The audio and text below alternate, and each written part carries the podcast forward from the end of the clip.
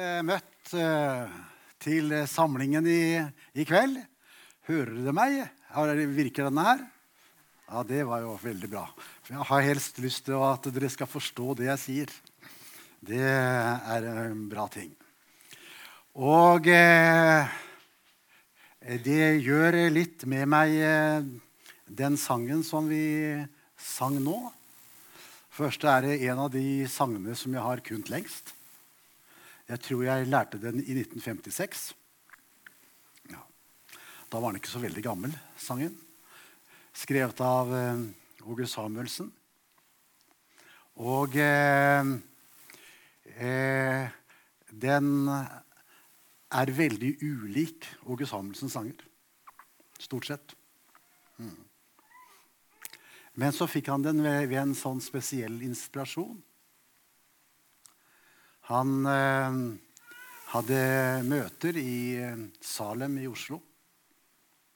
Og så var han bedt til en av medlemmene i, menigheten til middag. Og hadde spist en god middag. Og så la han seg til å ta en, en blund, eh, ettermiddagsblund. Men plutselig så oppdaga han at han, han hørte en vidunderlig sang. Og den gjorde sånn inntrykk på at han måtte sette seg opp, og så måtte han skrive det ned. Og så ble den skrevet ned, og så ble den sunget allerede samme kvelden. Mm.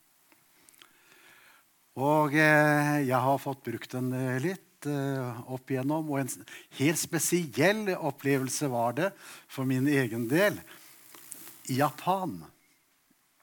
Jeg fikk høre om en konsert som skulle holdes i en uh, litt stor kirke i, i Kåbe. Og uh, noen misjonærene anbefalte meg å gå dit. Og jeg sneik meg inn av døra og satt helt bak. Trodde at det var ingen som skulle se meg. Det er noen av oss som ønsker det av og til. Og eh, så hører jeg mye fin sang, og så er det han møtelederen eller han som styrte det, at det er en kar fra Norge her, sier, sier, sier han. Jeg vet han synger litt.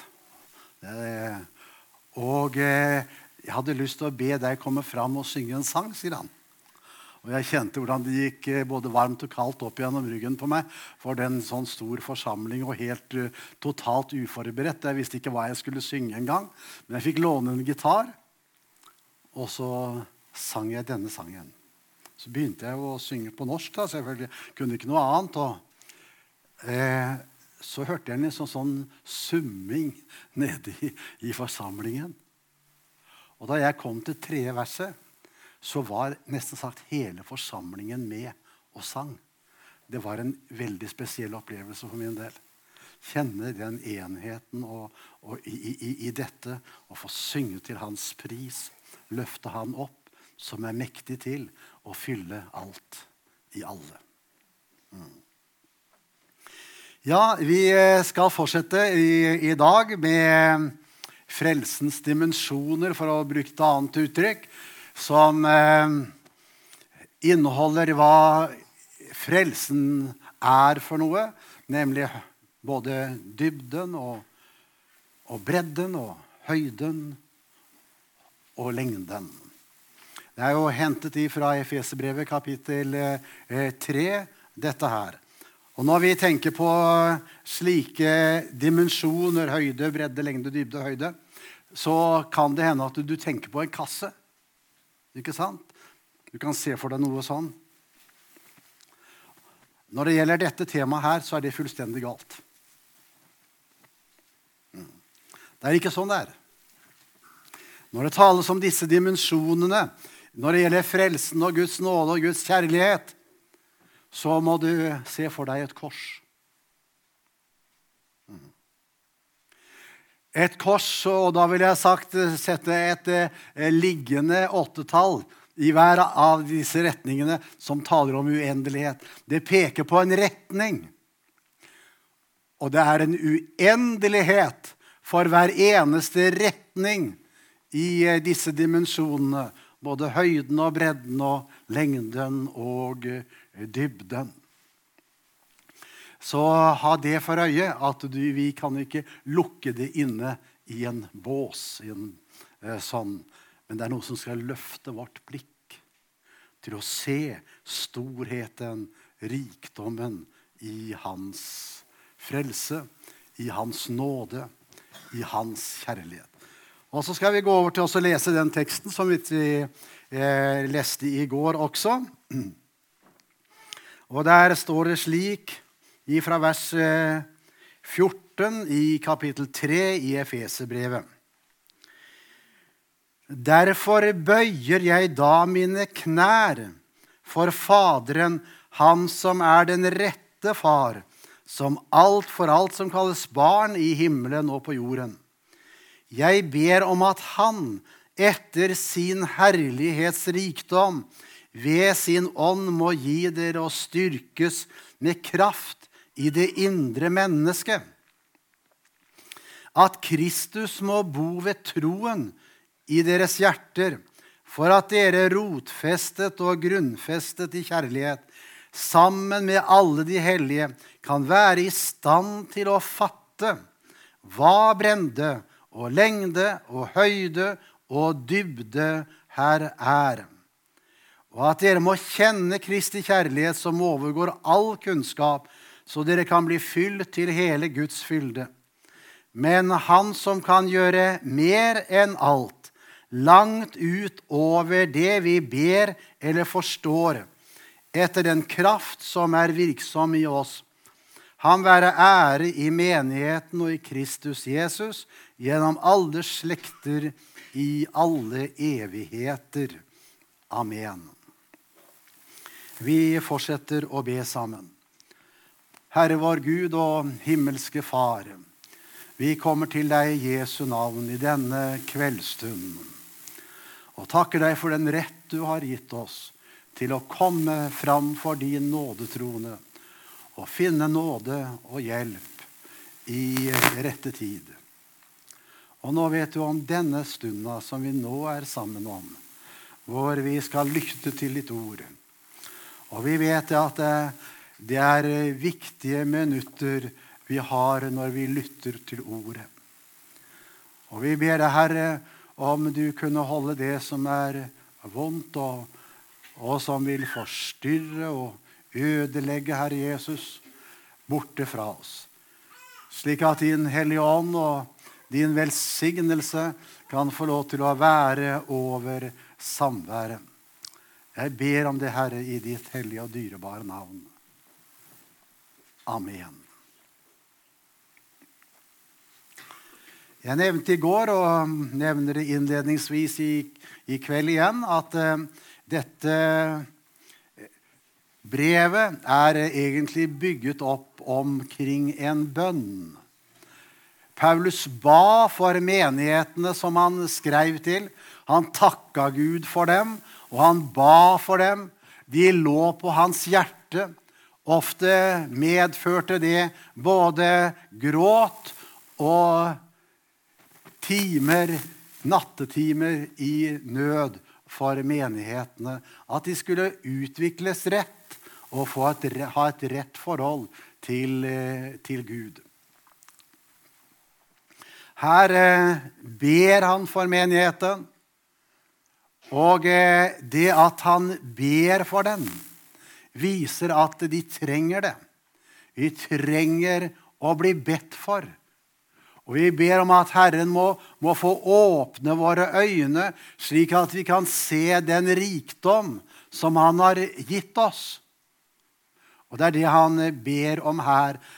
At dere kan forstå, gripe, få tak i hva for en lengde og bredde og dybde og høyde her er.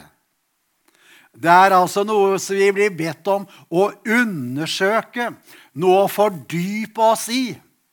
Slik at vi kan få bli fylt av det, og det får lov til å gripe oss. Ikke alt kan vi gripe med vår tanke. Det er jo ofte svært begrensa. Men vi kan la oss gripe av det som er ubegripelig for oss. Fanges inn av det. Bli omgitt av det. Takke for det. Nå har han en del ting som han eh, har sagt her i innledningen. Tok litt grann i går. Og eh, han eh, sier det her i, eh, i eh, det 16. Eh, verset. Jeg ber om at han etter sin herlighets rikdom ved sin ånd må gi dere å styrkes med kraft i det indre mennesket. Han har altså noe han vil nå inn til de troende med. At det skjer noe i det indre mennesket.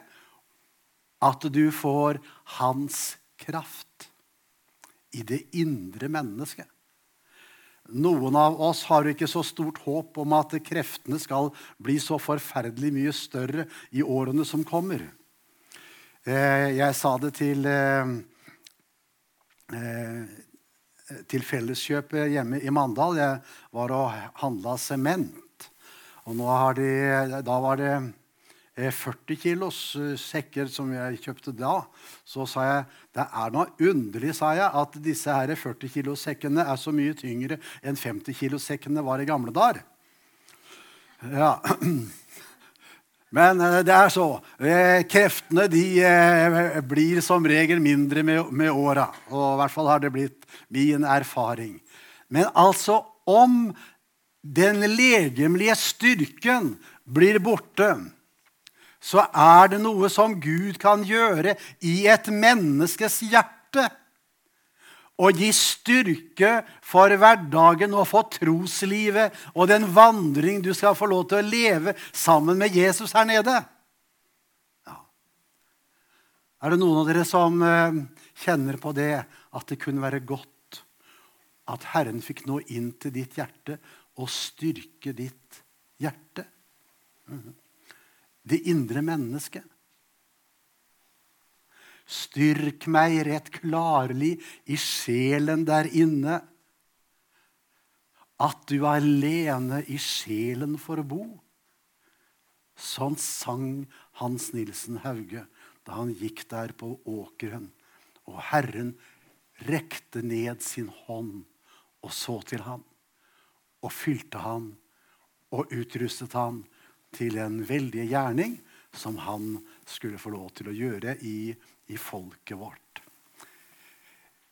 Å bli styrket med kraft i det indre mennesket har nettopp med det budskapet som han vil formidle til oss, nemlig dybden, som vi talte om i går, og bredden, som vi skal ta for oss nå, og lengden og høyden i denne frelse, i denne ufattelige kjærlighet som han har gitt oss del i i Jesus Kristus. Mm.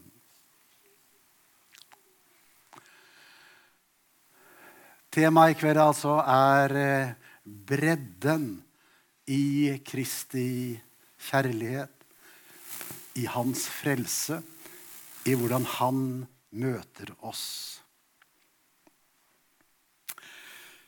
Jeg gikk på Drottningborg i sin tid.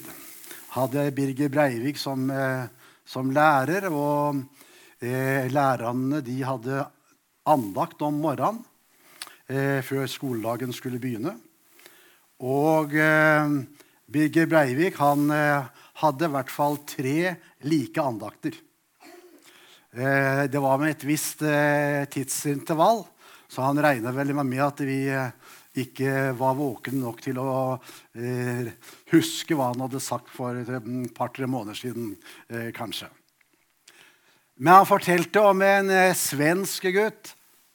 Eh, og eh, der i heimen hadde de besøk av en eh, predikant. og Predikanten var opptatt av å få litt kontakt med den lille smågutten. Og så spør han, der han driver og leker med bilene på gulvet hva tykker du om lekene dine, sier han. Hva, hva syns du om lekene, ville vi jo ha sagt. Men han, han fortalte det i sånn visst svensk Hva tykker du om eh, lekene dine, sier han. Å, sier han. Jeg tykker så mye, sa han. Og så hadde han forskjellige spørsmål, og så spurte han Men hva tykker du om mor og far, da? Å, sa han. Jeg tykker så mye om mor og far, sa han. Men som en predikant skal gjøre, så spør han Men hva tykker du om Jesus, da? Da er gutten strekker seg, og så strekker han seg, og så detter armene ned. Da rekker favnen inntil, sier han. Det er altså et, et, eh, en favn som er så stor at han rekker ikke til. Og Når du har med bredden å gjøre, har denne eh, lille historien eh, eh, kommet til meg. Den frelse vi har, den kjærlighet som Gud har vist oss i Jesus Kristus, den er så brei at den favner alle. Den er så brei at den favner alle. Eh, vi eh, er i den situasjonen, de fleste av oss, at vi klarer ikke å makte å, å, å, å ta oss av det som vi ser er nødvendig. I hvert fall er det for, for, for, min del. Jeg skulle gjort så mye mer. Jeg skulle favna så mye videre. Det var mennesker som jeg skulle favna om, tatt meg av og vist oppmerksomhet og, og, så, og videre. Men her er det at han åpenbarer for oss at han favner alle. Og jeg tar fram noen uh, skriftsteder som viser oss det at ingen er uteglemt. Ingen er på utsida. Alle er de inkludert i hans frelse, i hans kjærlighet, i hans nåde. I Rombrevet 8,32 står det Han som ikke sparte sin egen sønn, men ga ham for oss alle. Hvorledes skal Han kunne annet enn gi oss alle ting med Ham? Og i 1. Timotius brev 2, 4-6 står det Han som vil at alle mennesker skal bli frelst og komme til sannhetserkjennelse. Han som ga seg selv til en løsepenge for alle. Et vitnesbyrd i sin tid. Og eh, han sier det i, eh, i eh, samme brevet, i kapittel 4 og vers 10. Derfor er det vi arbeider og kjemper, for vi har satt vårt håp til den levende Gud, Han som er alle menneskers frelser. Og så kommer det 'mest deres som tror'. Ja, Det vil si, han er alle menneskers frelser. Men det er noen som har fått del i denne frelse. Og det er de som tror på ham og har blitt inkludert i denne frelse og opplevd den storhet det er å være frelst. Alle mennesker. Det er her et, eh, en ting som er eh, jo ganske uhørt når det gjelder eh, dette med vår frelse. For mange tenker som så, og jeg har sett noen programmer også Og De snakker om de kristne som da kan liksom komme ved avslutningen av sitt liv og, og kanskje bli frelst i, i, i, i, eh, siste stund. Og det er nettopp det som er sant. Det er at denne nåde som Gud i himmelen har åpenbart ved sin kjærlighet, den er ganske uhørt. Den er fullstendig urettferdig. Det er den. At et menneske kan ha levd utenom samfunn med Gud, levd i de dypeste synder og de forferdeligste ting. Men i det øyeblikket et menneske fester sin lit til Herren Jesus Kristus, blir alt hva de har vært, alt hva de har gjort, blir strøket ut av ham, kommer ikke på tale lenger. Fins ikke rettferdighet i sånn? Nei, det gjør det ikke. Det finnes ikke rettferdighet. Men hva fins? Det fins nåde. Det er en nåde som er så mye større enn all urettferdigheten. For der hvor synden blei stor, der blei nåden enda større. Det er den forunderlige ting. Gud frelser et menneske ved nåde og nåde alene. Jesus han eh, forteller eh, lignelser for å forklare dette her.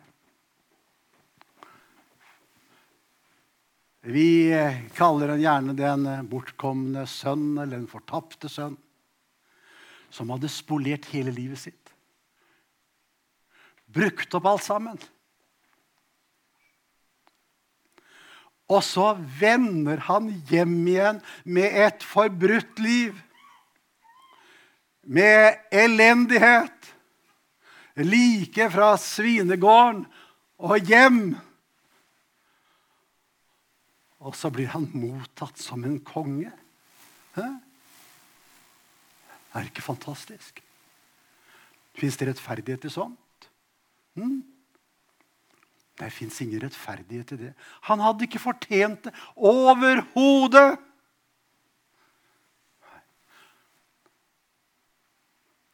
Han andre som var hjemme, som var full av religiøsitet og hadde alt sitt på det tørre og ikke hadde kastet seg ut i noe, noe syndeliv, han ble stående på utsida. For det er én ting Gud vil ha sagt oss om sin kjærlighet, om sin frelse. Den er av uforskyldt nåde for alle mennesker. Ja. De må bli, bli frelst kun av nåde. Fra børjan til slutt må et menneske få ta imot Hans nåde, for uten Guds nåde er det umulig å bli frelst. Det er den svære ting som vi må få lov til å minne hverandre om. Men så er det noe så grenseløst ved den også, da, at det ikke en eneste en er på utsiden. For alle har syndet og fattes Guds ære.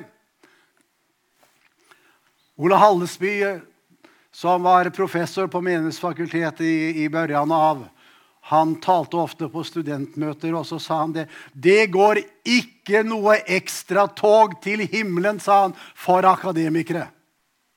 Det gjør ikke det. Ingen ekstratog. Det var i gamle dager en som reiste mye på Sunnmøre og hadde møter. og En som heter Karsten Line. Jeg vet ikke om dere har hørt uh, det navnet.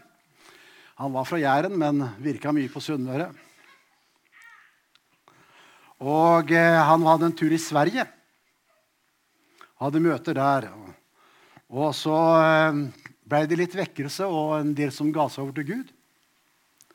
Og han eh, ga gjerne anledning til at de kunne, kunne, kunne, komme fram til forbønn. Og En kveld var det en eldre mann med stokk som eh, kom fram. Og, og på stokken så var det et sølvhåndtak. Og så sier han til Karsten Live du måtte bedja for meg, sa han, for uh, jeg må bli frelst. Ja, ja, det, det var jo flott. Ja. Så eh, de eh, bøyer sine kne, og så ber Karsten Line for denne karen. Og så eh, ber om at eh, Jesus må ta imot han, og, og slik. Og så dunker han litt til sida hans, og så sier han Og så må du Be sjøl, sier han. Jo, denne mannen, eldre karen, han eh, folder sine hender, og så begynner han å be. Kjære Jesus, i dag må du frelse en svensk adelsmann, sa han. Stopp, sa kanskje Line. Hva, sa han. Det var en bønn Gud ikke hørte, sa han. Å, sånn kan jeg ikke bli frelst? Jo, jo, sa han, du kan bli frelst, men Gud frelser ikke svenske adelsmenn, sa han. Han frelser bare fattige syndere. Der blir vi satt i den samme båt. Du er et menneske som trenger den nåde som er for syndere. For at du skal bli frelst og komme inn i Guds rike. Og Derfor er det Guds ord forteller oss at han måtte dø for alle. Han måtte dø for sine disipler, som vandret sammen med han. De var å finne noen av dem under Jesu Kristi kors. Han måtte til og med dø for sin egen mor, Maria, som sto der ved Jesu Kristi kors. Den er slik, denne nåde, denne frelse, at han må frelse hver eneste en. Han må frelse dem av nåde. Han må frelse dem fra deres synder. Ellers er de evig fortapt. Skjønner du det? Det er en så kolossal bredde i dette. Men du verden for en rikdom! I den nåde som Han har åpenbart i denne verden for alle mennesker. Som gjør at et menneske kan gå ifra synd og over i Guds rike. Fra å være trellbunden til å være fri i Jesus Kristus. Fantastisk. Ikke sant? Og så fører de inn til et liv i nådesamfunn med Jesus Kristus. Og da står det slik Og Gud er mektig til å gi dere all nåde i rikelig mål, for at dere alltid og i alle ting kan ha alt det dere trenger til og således rikelig kan gjøre all god gjerning. Det er en fantastisk rikdom å eie, eie dette. Han er rik nok, sier Guds ord, for alle dem som påkaller ham. Det er ikke ressursmangel der. Alle mennesker, uansett hvor de er. I går tok jeg noen illustrasjoner om mennesker som var dypt falne, og som kom til Jesus Kristus og opplevde hvordan han nådde ned til dem og reiste dem opp. I dag har jeg lyst til å understreke for dere han elsker alle. Alle. Av og til så kan vi tro at det er bare dem som har gjort livet sitt vanskelig og er helt på bånn. Altså. Men jeg har lyst til å si Jesus Kristus vil ha alle. Alle mennesker, alle slags mennesker, hvor de enn befinner seg i denne verden. Om de er høye eller lave i menneskelig målestokk, så er de alle like for ham. Og han vil ha tak i hver eneste en. Ja, for han har dødd for dem. Han har frelst dem med sitt blod, og han vil ha tak i dem. Og Vi ser det i, eh, i Jesu virksomhet. Jeg kan aldri bli lei av å snakke om mennesker som trengte Jesus på en spesiell måte. Jeg blir aldri lei av å lese om synderinnen i Simons hus. Jeg gjør det dypeste inntrykk på meg. Tenk, hun fikk lov til å få oppleve syndenes forlatelse over et liv i synd og fornedrelse. Det er så fantastisk godt å vite hvem Jesus er, og hva Jesus kan. Reise opp igjen ifra synd. Men Jesus brydde seg om alle. Det gjorde han. Han brydde seg til og med om dem som ikke brydde seg særlig om han. Han tok imot innbydelsen ifra Simon. Der i dette, denne byen hvor denne synderinnen var. Han tok imot innbydelsen til selskap. Av en som vokta på han for å prøve å få han eh, liksom arrestert, nesten sagt. Hvorfor? Jesus elsket Simon. Det gjorde han. Fariseeren Simon, som ikke hadde syn for ham, men som Jesus hadde syn for. For han ville ha ham. Og så hadde han noe å si 'Simon, jeg har noe å si deg.' Mm. Og så blei det et budskap inn til en fariseers hjerte. Om det ble noe frelse for han i etterkant, det vet vi ikke. Men han fikk i hvert fall et, et budskap fra Jesus Kristus. Det var en av samfunnets topper. Rådsherre i Israel og fariseer og velutdannet. Kom om natten til Jesus. I kveldinga, ville vi si. Og Jesus tar seg tid til å snakke med, legge Guds ord ut for ham, vise ham hvordan han var utenfor Guds rike, selv om han hadde alle ingrediensene, kan du si. Han var skriftlærer og kjente Skriftene, men det er likevel utenfor Guds rike. Ja, han hadde ikke syn for det som hører Guds rike til. Men Jesus forkynte evangeliet for ham. Jesus talte om hvordan han skulle dø for dem. Og så finner vi han ved Jesu kors. Og så står han fram som en som tror på ham. Jo, han brydde seg om til og med en slik en kar. Ja. Er ikke fint? Alle vil han ha. Bredden, altså. Hmm i denne, denne eh, kjærlighet. Det var en rik ung mann. Og han også er jo fantastisk hvis du slår sammen disse evangeliene som taler om han. Vi kaller ham den rike yngling noe. Men han var en rådsherre. Han var skriftlærd. Han var ung, og han var rik. Alt hadde jo lykkes for han da, kan du si. Topp, altså. Allikevel var han utenfor Guds rike og kjente på en anklage i sitt hjerte. Og så kommer han til Jesus. Mm. Og Jesus konfronterer han med Guds lov. Så går han bedrøvet bort. Han tar ikke imot. Men hva er det det står?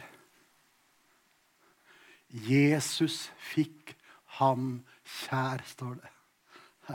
Er det ikke flott? Det var noe denne mannen skulle vite, selv om han vendte ryggen til Jesus. Jesus elsket ham.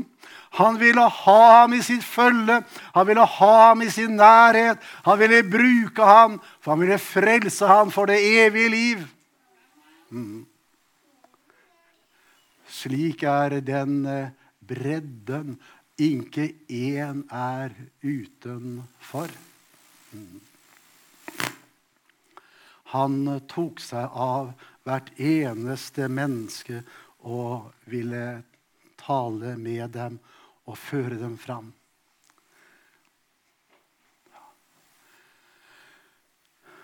Eh, det er vel noen av dere som eh, husker 1994, tror jeg det var. Og Hvis jeg spør hva som skjedde i 1994, så er det noen som sier OL på Lillehammer, ja. Det husker dere. Ja, Jeg var ikke der, men det var kanskje noen som var der. Men jeg hørte det litt på radioen. Og Blant annet hørte jeg en diskusjon. For det var noen ungdommer som hadde reist til Lillehammer. Ikke for å først og fremst å se på eh, disse idrettshevlingene, men de var reist dit for å vitne om Jesus. Mm.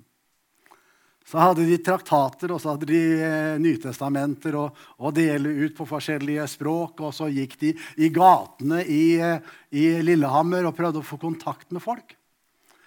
Og så var det noen av disse lederne innenfor idrettsforbund og, og sånn, de likte ikke dette der.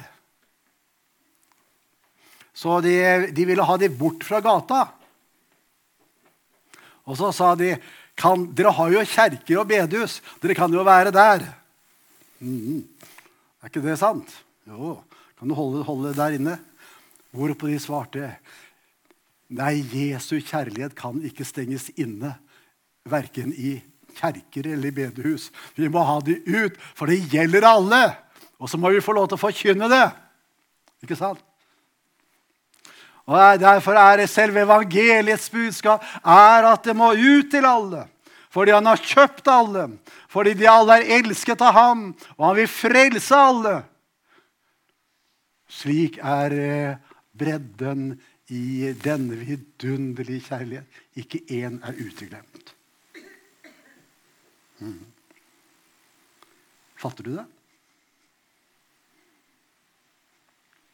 Gjør det noe med deg? Får budskapet gå gjennom deg? Ja. Og det var det han sa. At dere kan fatte, gripe, bli omringet av dette budskapet. Så det får altså innvirkning på livet ditt. Og vet du hva? En gjemmer som regel rosina til slutt, ikke sant? Og nå skal jeg fortelle deg noe du kanskje ikke tror. Men som er en vidunderlig sannhet. Denne frelse er så brei at den til og med favner deg. Hm. Hørte du det? Eller sendte du det fra deg? Denne frelse er så brei at den favner deg.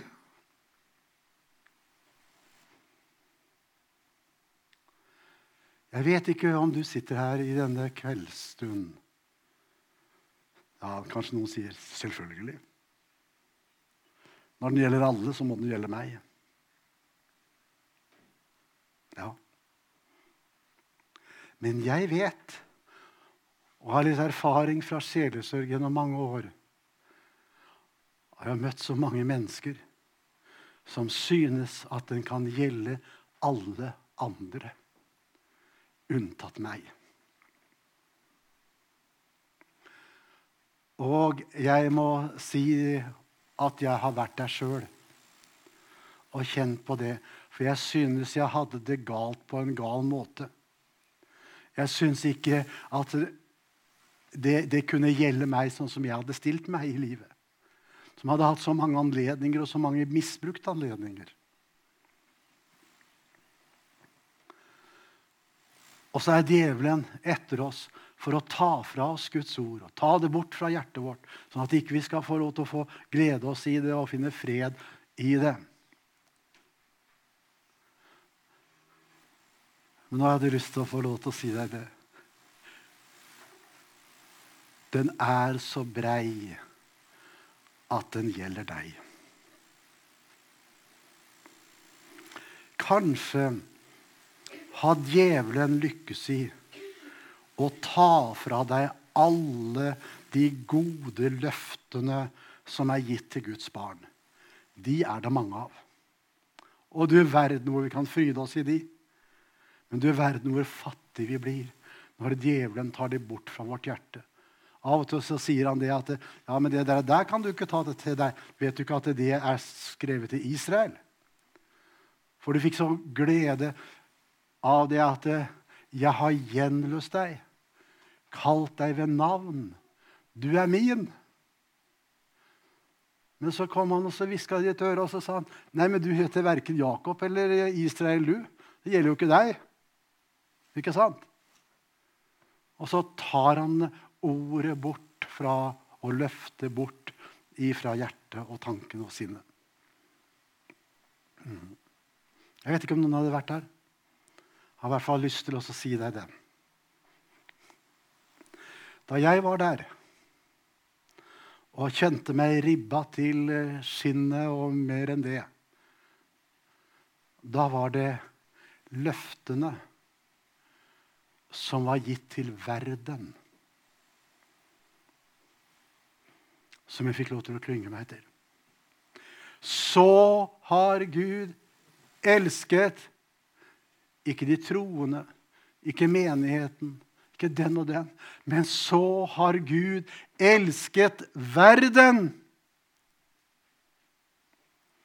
at han ga sin sønn, den enbårne, for at hver den som tror på ham, ikke skal fortapes, men ha evig liv. Mm. Og i 2. Eh, Korinterbrev kapittel 5 og eh, vers 18 eh, og 19 der tales det også, sier Fordi Gud i Kristus forlikte verden med seg selv, så han ikke lenger tilregner dem deres overtredelser. Så har jeg fått lov til å se om jeg ikke har noe annet, så har jeg den favnen, den frelsesfavnen, det Tred på Golgata, hvor han favnet alle og sonet for alle og gjenløste alle ved sitt blod. Verden ble forlikt med Kristus. Så jeg er jeg med i det store kjøpet på Golgata. Der Gud ordnet opp i min situasjon. Og så får jeg lov til å være med der og takke Han. Her er jeg med. Det er mitt. Det er. Jeg hører med til verden. Jeg hører med til dem som han har kjøpt med blodet sitt. Hmm. Ingen som sa halleluja her, men eh, det var kanskje noen som sa det i hjertet sitt. jeg vet ikke. Men jeg syns det er så stort å få lov til å få minne deg om det. Om du er her som kjenner på at uh, du har liksom kommet litt på utsida. Du er inkludert i den kjærlighet, i det offeret som Guds egen sønn betalte for dine synder. Og så skal du få lov til å finne din frihet og din glede i det. Herre Jesus, vi har vært innenfor ditt ansikt nå, og vi ber deg om at det ordet vi har fått lov til å dele med hverandre, kunne få lov til å være til velsignelse, til frigjørelse, til glede og fred. Amen.